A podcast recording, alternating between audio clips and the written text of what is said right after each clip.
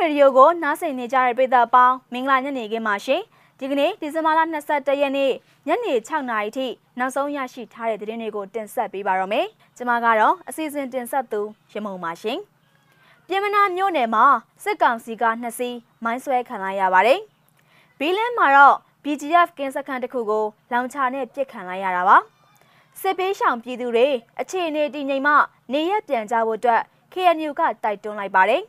ဒီသတင်းတွေအပါအဝင်တခြားစိတ်ဝင်စားဖွယ်ကောင်းတဲ့သတင်းတွေကိုတင်ဆက်ပေးတော့မှာပါ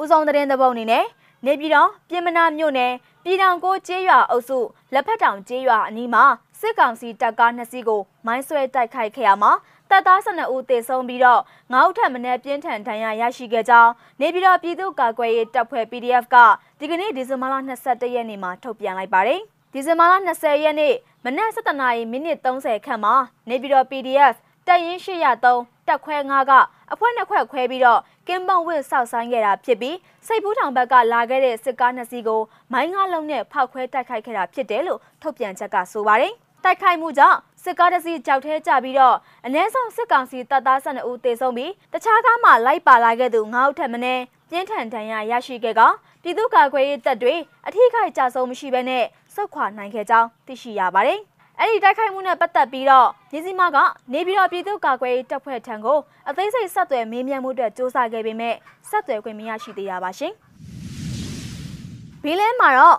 BGF ကင်းစက်ခန်းတစ်ခုလောင်ချာနဲ့ပြစ်ခတ်ခံလိုက်ရပါတယ်။ဘီလင်းမြို့နယ် KNU ထိချုံနယ်မြေအတွင်းမှာမဲလန်ခေါင်ကျေးရွာအုပ်စုလောဆာလော့ကျေးရွာအနီး BGF ကင်းစခန်းတစ်ခုဟာဒီဇင်ဘာလ20ရက်နေ့ညပိုင်းကလောင်ချာနဲ့အပြစ်ခံခဲ့ရတယ်လို့ဒေသခံတွေကပြောပါတယ်။အဲ့ဒီည9နာရီကျော်ခန့်မှာလောဆာလော့ကျေးရွာအနီးဘင်းလင်းနဲ့ကြီးသွားကားလမ်းမပေါ်ကအမှတ်1033 BGF ကင်းစခန်းကိုလောင်ချာနဲ့ပြစ်ခတ်ခဲ့တာပါ။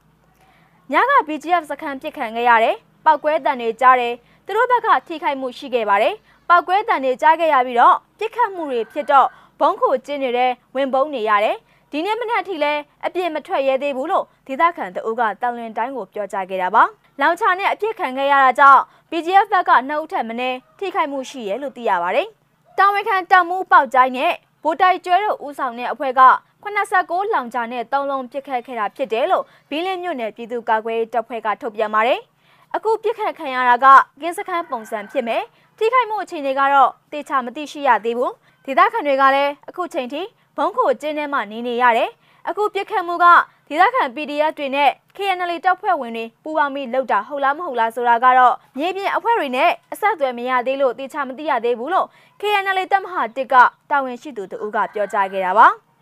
ဒီဇင်ဘာလ22ရက်နေ့မနက်ပိုင်းအထိလောဆာလော့ကျေးရွာမှာ BGF ဘက်ကစစ်ရေးအသင့်ပြင်ပြီးတော့နှစ်ဖက်ထိတ်တိုက်တွေကတိုက်ပွဲတွေဖြစ်ပွားလာနိုင်လို့ဒေသခံတွေမှာစိုးရိမ်ကြောက်လန့်နေကြရပါတယ်။စစ်ပေးရှောင်ပြည်သူတွေအခြေအနေတည်ငြိမ်မှနေရက်ပြန်ကြဖို့အတွက် KNU ကတိုက်တွန်းထားပါတယ်။တိုက်ပွဲကြောင့်ထွက်ပြေးတင်းရှောင်နေရတဲ့စစ်ပေးရှောင်တွေအနေနဲ့ စစ်ရေးပဏိပခအခြေအနေတွေငြိမ်သက်သွားတဲ့အခါမှသာနေရက်ကိုပြန်လာကြဖို့အတွက်ကရင်မျိုးသားအစည်းအရုံး KNU နိုင်ငံခြားရေးဌာနတာဝန်ခံဗဒိုစောတော်နီကတိုက်တွန်းထားပါတယ်။လက်တလုံးမှာကရင်မျိုးသားလွတ်မြောက်ရေးတပ်မတော် KNL နဲ့စစ်ကောင်စီတပ်တွေကြားမှာဖြစ်ပွားနေတဲ့တိုက်ပွဲကြောင့်ဒေသခံပြည်သူတောင်ကနန်းဝင်းကျင်အထိထွက်ပြေးတင်းရှောင်နေရတာဖြစ်ပြီးအများစုကတော့ထိုင်းနိုင်ငံဘက်ကိုထွက်ပြေးတင်းရှောင်ကြတာပါ။ဒါပေမဲ့ ပြီးခဲ့တဲ့ရက်ပိုင်းအတွင်းကထိုင်းဘက်ကိုထွက်ပြေးသွားတဲ့စစ်ရှောင်သူ100ကျော်ဟာမြဝတီဘက်ကိုပြန်လာခဲ့ပါတယ်။ဒါအပြင်တိုက်ပွဲကြောင့်ထွက်ပြေးတင်းရှောင်နေရတဲ့စစ်ရှောင်တွေကိုကုညီလက်ခံဆောက်ရှောင်ပေးတဲ့ထိုင်းနိုင်ငံကိုလည်း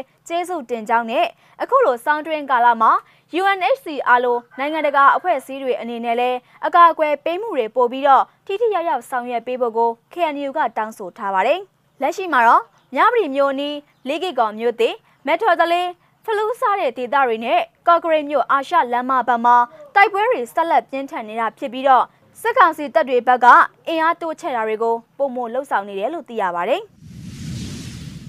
နောက်ဆုံးသတင်းသဘောအနေနဲ့လူကြီးလမ်းကြောင်းတွေကိုယူနီဖောင်းအပြည့်စုံနဲ့ကြိုဆိုဖို့အတွက်ဌာနဆိုင်ရာတွေကိုစစ်ကောင်စီကညွှန်ကြားထားတဲ့သတင်းကိုတင်ဆက်ပေးပါမယ်။အနာသိန်းစစ်ကောင်စီခန့် ပြည်내ဝင်ကြီးချုပ်နဲ့ပြည်ထောင်စုဝင်ကြီးလမ်းကြောင်းတွေကိုဌာနဆိုင်ရာဝန်ထမ်းအားလုံးဟာယူနီဖောင်းအပြည့်စုံဝတ်ဆင်ပြီးတော့မဖြစ်မနေတွားရောက်နှုတ်ဆက်ကြိုဆိုကြဖို့စစ်ကောင်စီကညွှန်ကြားထားတယ်လို့ရုံးတက်နေတဲ့ဝန်ထမ်းတွေကပြောပါတယ်။ပြည်ထောင်စုအဆင့်ဝင်ကြီးတွေနဲ့ဝင်ကြီးချုပ်အပါအဝင်အစိုးရအဖွဲ့ဝင်ဝင်ကြီးလမ်းကြောင်းခရီးစဉ်တွေမှာ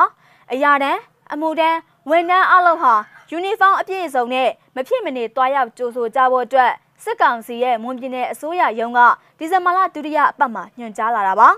အခုလိုနိုင်ငံရေးမတည်မငြိမ်ဖြစ်နေတဲ့အချိန်မှာလူကြီးမင်းလမ်းကြောင်းတွေကိုဝန်ထမ်းအလုပ်ဟာမဖြစ်မနေတွားရောက်ကြိုဆိုကြဖို့ညွှန်ကြားလာတဲ့အတွက်ကြောင့်လုံခြုံရေးအတွက်စိုးရိမ်နေရတယ်လို့ရုံးတက်နေတဲ့ဝန်ထမ်းတို့ကပြောပါတယ်။ဒါအပြင်ရုံးတက်နေတဲ့ဝန်ထမ်းတွေအနေနဲ့စစ်ကောင်စီရဲ့လှုပ်ဆောင်ချက်တွေဟာကောင်းကြောင်းမှန်ကြောင်းနဲ့အမျိုးသားညီညွတ်ရေးအစိုးရအန်ယူဂျီနဲ့ ဆက်ဆက်အဖွဲ့အစည်းတွေရဲ့လှုပ်ဆောင်ချက်ဟာနိုင်ငံစည်ရန်တွင်နှောက်အောင်လှုပ်ဆောင်နေတဲ့အကြောင်းလူမှုကွန်ရက်ကနေသဖြင့်ပြည်သူတွေကိုစီယုံသိမ်းသွင်းကြဖို့ညွှန်ကြားထားတာဖြစ်ပါတယ်။စစ်ကောင်စီရဲ့တချို့ညွှန်ကြားချက်တွေမှာတော့ရုံတက်နေတဲ့ဝန်ထမ်းတွေရဲ့မိသားစုဝင်တွေပါပါဝင်ဆောင်ရွက်ပေးဖို့စိတ်ခိုင်းနေတဲ့အတွက်ကြောင့်နန်းစီရီယန်ဝန်ထမ်းအများစုပါစစ်ကောင်စီကိုစန့်ကျင်ကန့်ကွက်တာတွေရှိနေပါတယ်။